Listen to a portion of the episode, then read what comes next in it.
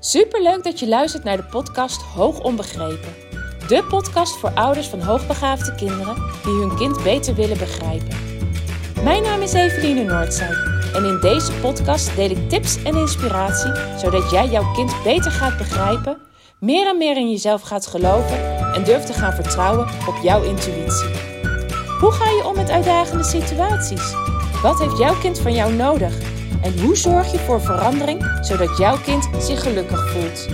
Ik heb er veel zin in om dit allemaal met jou te delen. Dus laten we voor vandaag maar beginnen.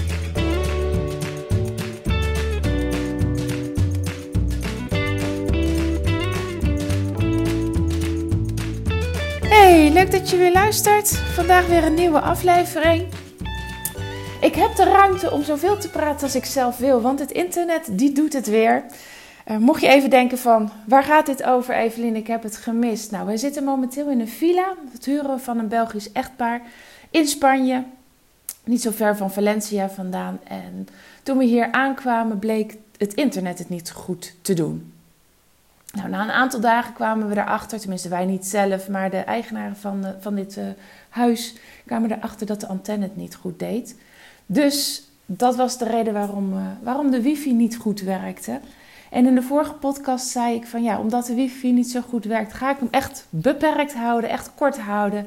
Nou, dat hoeft dus niet meer, want ik uh, kan gewoon uh, de ruimte pakken om uh, flink uit te breiden wanneer ik wil.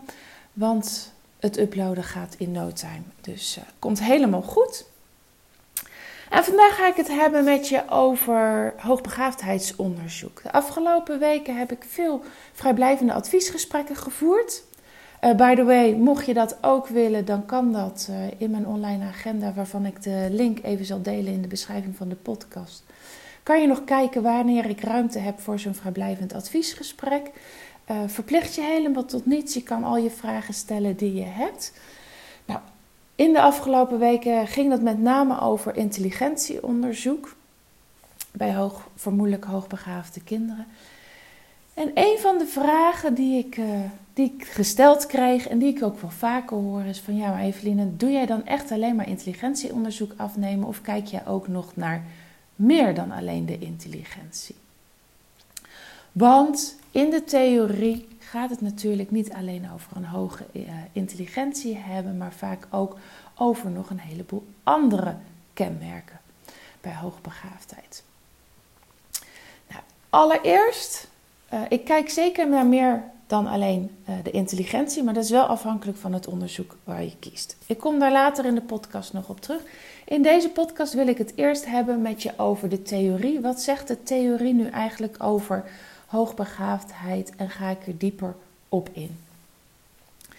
Nou, allereerst, er is nog steeds geen sluitende theorie over hoogbegaafdheid. Wat is hoogbegaafdheid nu precies? Er zijn er wel een aantal, er zijn echt ook wel uh, ja, onderzoekers geweest die proberen hoogbegaafdheid binnen een theorie zo ontzettend, ja, zoveel mogelijk uh, sluitend te krijgen. Uh, maar er is niet één theorie waarvan je bij hoogbegaafdheid kan uitgaan. De theorie die het meest gebruikt wordt binnen de hoogbegaafdheid is de theorie van Renzulli. Uh, dit is een van de bekendste. En um, het wordt ook wel de drie-factor-theorie genoemd. Um, daarin geeft uh, Renzulli aan, of hij stelt eigenlijk dat hoogbegaafdheid het resultaat is van een combinatie van drie factoren.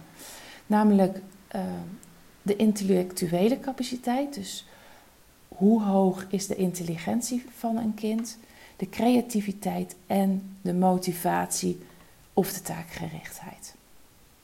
Wanneer we het hebben over de intellectuele capaciteit, dan gaat het eigenlijk echt om de cognitieve capaciteiten van een kind. Zoals het logisch denken, het probleemoplossend vermogen, uh, het geheugen speelt daarin ook een, een rol. En wat je ziet bij deze kinderen, bij, bij hoogbegaafde kinderen, is dat ze uh, eigenlijk altijd een hogere intellectuele mogelijkheid hebben. Ik noem dat altijd wel een uh, cognitieve vermogens liggen op hoogbegaafd niveau. Nou, een andere factor binnen deze theorie is de creativiteit. En het gaat hierbij om uh, het, hebben van originele ideeën, het kunnen bedenken van, van oplossingen uh, wanneer er zich een probleem voordoet. Nou, wanneer een kind hoogbegaafd is of op een hoogbegaafd niveau functioneert, wordt er gezien, vaak gezien, dat ze hier ook ja, heel sterk in ontwikkeld zijn. En wanneer zich een probleem voordoet, hebben ze hele uh, sterke probleemoplossend vermogen. Uh, ze kunnen nieuwe, op een, ja, op een andere manier kijken naar uitdagingen, naar problemen. En kunnen daarmee ook met hele nieuwe ideeën komen. En het derde punt is de motivatie en de taakgerichtheid. Het gaat hierbij echt om dat een kind gemotiveerd is, zich vastberaden voelt om ja, uitdagingen te gaan, om doelen te behalen. En uh, bij hoogbegaafde kinderen wordt gezegd dat dit vaak heel sterk aanwezig is. Ze zijn ook vaak sterk intrinsiek gemotiveerd om te leren en uitdagingen aan te gaan. Dit is even de theorie. En dat is heel mooi, ehm, want wat ik afgelopen week gelezen heb, is ook iets wat enorm aansluit bij zoals ik het zie. Ik ben een boek aan het lezen over emotieregulatie. En zij is uh, psychoanalyticus en zij is daar heel erg mee bezig geweest uh, met emoties. En nou ga ik daar niet nu verder op in, maar zij schrijft: De theorie is een theorie. Maar ik merk heel vaak in de praktijk dat de theorie niet aansluit bij wat ik zie. Wat ik zie van de mensen, wat mensen ervaren. Ehm, dus een theorie is heel mooi, geeft handvaten, geeft kaders. Maar kan niet altijd één op één overgenomen worden in de praktijk. Nou, en dat merk ik ook heel erg sterk als we het hebben over hoogbegaafde kinderen. deze theorie is prachtig, is mooi, die van Renzulli, die drie-factor-theorie. Maar in de praktijk is die niet altijd bruikbaar. En ik ga dat verder in deze podcast uitleggen aan je. Zoals net al genoemd, gaat het volgens deze theorie heel erg over een hoge intelligentie, maar ook over motivatie, taakgerichtheid en over creativiteit. En bij die laatste twee factoren, dus motivatie, taakgerichtheid en creativiteit, is dit heel vaak een theorie, maar is het niet zoals ik het zie in de praktijk. Wanneer een kind namelijk voor intelligentieonderzoek bij mij komt, is het 9 van de 10 keer zo dat het kind vastloopt. Niet in alle gevallen, maar in een groot deel dus van de gevallen wel. Het loopt net niet lekker, het kind heeft meer nodig. Er worden problemen gesignaleerd, met name binnen het onderwijs. Uh, maar dat heeft vaak ook zijn weerslag uh, op de thuissituatie. En op het moment dat ik deze kinderen onderzoek, zie ik helemaal niet altijd dat ze een hele hoge motivatie zijn, hebben. Dat ze taakgericht zijn. En de creativiteit, waar we het over hebben, het probleemoplossend vermogen, is ook heel vaak niet of niet voldoende zichtbaar. En op het moment dus dat ouders aan mij vragen: Ja, maar Eveline, kijk jij dan niet naar hè, in dit geval de motivatie en die uh, creativiteit? Want, en dat is heel, heel mooi, hè, dat, dat uh, internet zoveel biedt aan ons als, uh, als mensen. Heel veel ouders hebben zich er al echt in verdiept in wat is hoogbegaafdheid en zijn ook op deze theorie gestuurd. Want ik krijg dan te horen van ja, want het gaat toch niet echt alleen maar om die hoge intelligentie. De hoogbegaafdheid beslaat toch meer dan alleen dat? Ja, in de theorie wel, maar in de praktijk is het heel moeilijk om dat bij kinderen te achterhalen. Zeker bij kinderen die al langere tijd niet hebben gekregen binnen het onderwijs, maar soms ook in de thuissituatie, wat ze nodig hebben. En daarbij die kinderen zie ik dus heel vaak dat die motivatie helemaal niet hoog is. Dat die uh, taakgerichtheid helemaal niet uh, heel uitzonderlijk is. Dat die creativiteit ergens ver weg gestopt is. En dus zeg ik heel vaak tegen ouders: luister eens, ik ben daar echt wel alert op. En op het moment dat ik bij een onderzoek vanuit de observatie zie dat het kind heel erg gemotiveerd is, zal ik dat ook zeker beschrijven. Ehm, hè, dat geldt ook voor probleemoplossend vermogen, die creativiteit. Maar op het moment dat ik het niet zie, maar daaruit het onderzoek wel een hele hoge intelligentie komt, zal ik nooit, maar dan ook nooit of te nimmer zeggen dat een kind niet hoogbegaafd is. Omdat ik weet dat door, door stress, een hoog stressniveau, het niet aangereikt krijgen wat je nodig hebt, eigenlijk ingekakt zijn, uitstaan. Zoals een meisje laatst bij mij in de praktijk zei tijdens het onderzoek: Ik sta gewoon echt helemaal uit. Ehm, ja, dan zien we die motivatie niet of nauwelijks meer. Dan zie je die creativiteit niet meer. En op het moment dat ik dan dus moet zeggen: Ja, maar luister eens. Ik kan dus niet zeggen dat dit kind hoogbegaafd is, want ik zie deze kenmerken niet. Doe ik een kind daarmee verschrikkelijk tekort? Want het gevolg zal namelijk zijn dat dat ene zinnetje in het onderzoek, ondanks nuances, als ik maar zeg van weet je, op basis van de theorie van Renzulli kan ik dus niet spreken over hoogbegaafdheid, zal men dat lezen, zal men dat onthouden en krijgt het kind, ondanks een hele hoge intelligentie, nog steeds niet wat het nodig heeft. En daarmee doe ik een kind enorm tekort. Want op het moment dat een kind heel hoog scoort op een intelligentieonderzoek, zal daarmee aan de slag gegaan worden. Moeten worden. En het vervelende is dat die nuance niet gemaakt wordt. Staat er een zin in een onderzoek: dit kind is op, vanwege uh, onvoldoende creativiteit en, en niet gemotiveerd zijn, niet hoogbegaafd, maar heeft wel een hoge intelligentie, dan weet ik uit ervaring dat het niet voldoende serieus genomen gaat worden.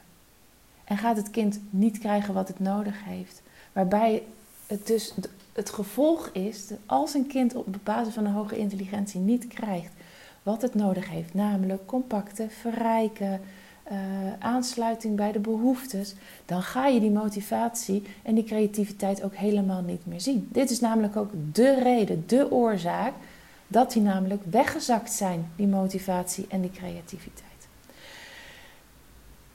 Voor mij dus ook de reden om de theorie de theorie te laten en de praktijk de praktijk te laten. En veel meer aan te sluiten op wat heeft de praktijk nodig. En op het moment dus dat een kind een hele hoge intelligentie heeft, ga ik vanuit daar beschrijven wat het kind nodig heeft.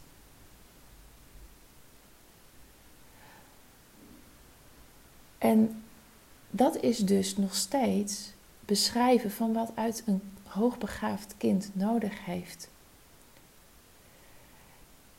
Uh, en daarin probeer ik je dus in deze podcast heel duidelijk te maken dat de theorie een theorie is en de praktijk de praktijk. En dat deze kinderen niet zo zwart-wit moeten bekeken moeten worden. Ik daar ook ontzettend veel moeite mee heb.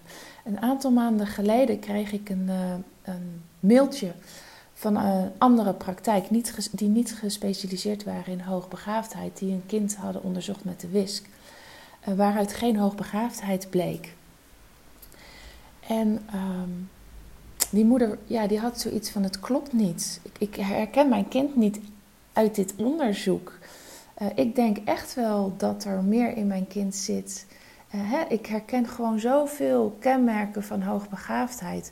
En ik wil uh, uh, mijn kind heel graag nog een keer laten onderzoeken met de KIKT. En dat heb ik gedaan. En daaruit kwam enorme hoge intelligentie.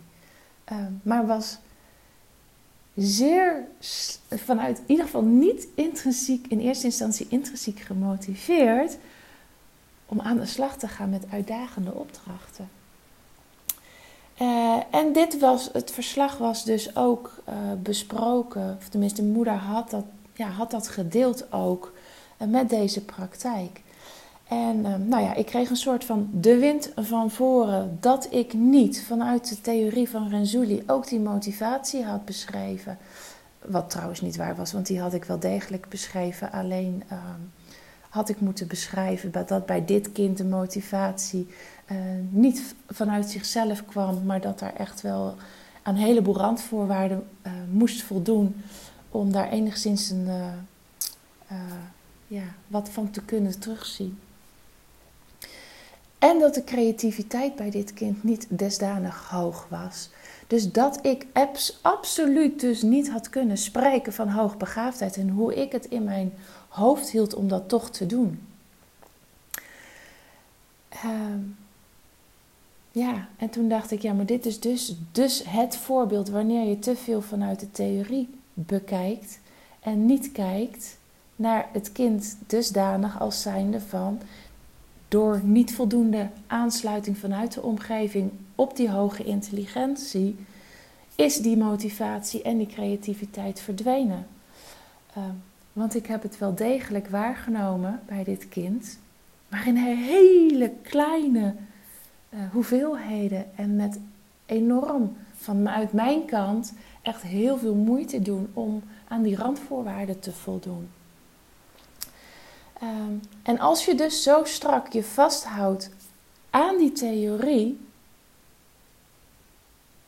en daarop baseert of een kind wel of niet hoogbegaafd is, mis je een heleboel van deze kinderen die vanuit stress en onvoldoende aansluiting van de omgeving het gewoon niet meer laten zien.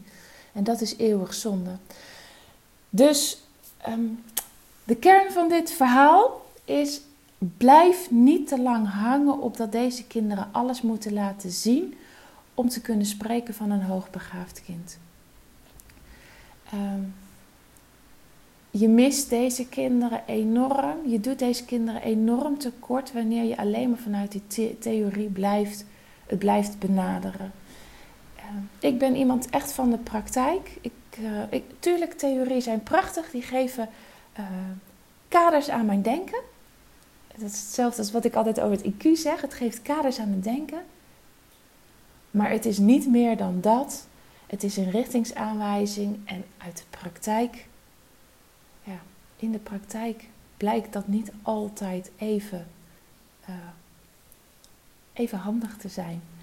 En zal, zal je veel meer moeten kijken van oké, wie is dit kind? Wat heeft het nodig? Waar doet het het goed op? En um, ja, dan is hè, men in de, het, het, intelligentie, de hoogte van de intelligentie een richtingsaanwijzing. Maar je observaties zijn daarin zoveel meer belangrijk. Um, en ook een stukje voorgeschiedenis. Wat is er met dit kind allemaal gebeurd? Um, in hoeverre staat het kind uit? Wat heeft het allemaal al gekregen? Dus de, ja, het is vele malen complexer dan alleen maar zo'n theorie aanhangen.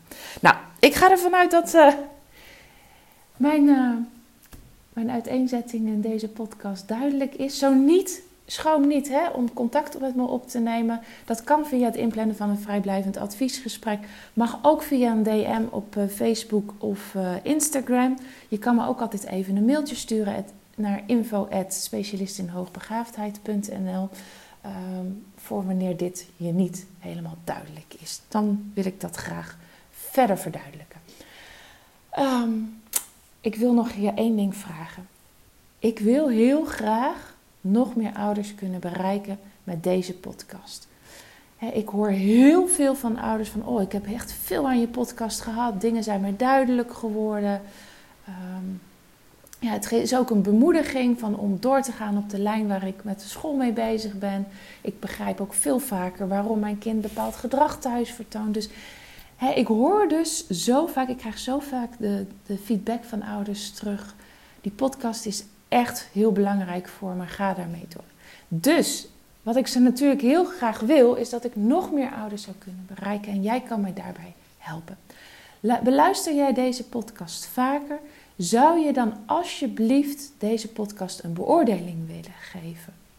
Dat kan op Spotify door op uh, de, de, sterretjes te drukken bovenaan. Uh, dat, daar staat ook vaak beoordeling bij. Je kan de podcast het aantal sterren geven die jij vindt dat het waard is. Eén is, nou ja, ik heb er helemaal niks aan, ik vind het waardeloos. En vijf is, ehm, ja, deze podcast helpt mij enorm. Het is een hele waardevolle podcast. Dit hoop ik natuurlijk, maar hè, wees zo eerlijk mogelijk.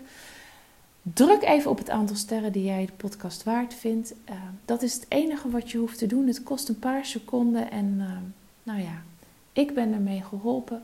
In die zin dat deze podcast, zodra er een beoordeling aanhangt, ook steeds makkelijker gevonden kan worden door andere ouders.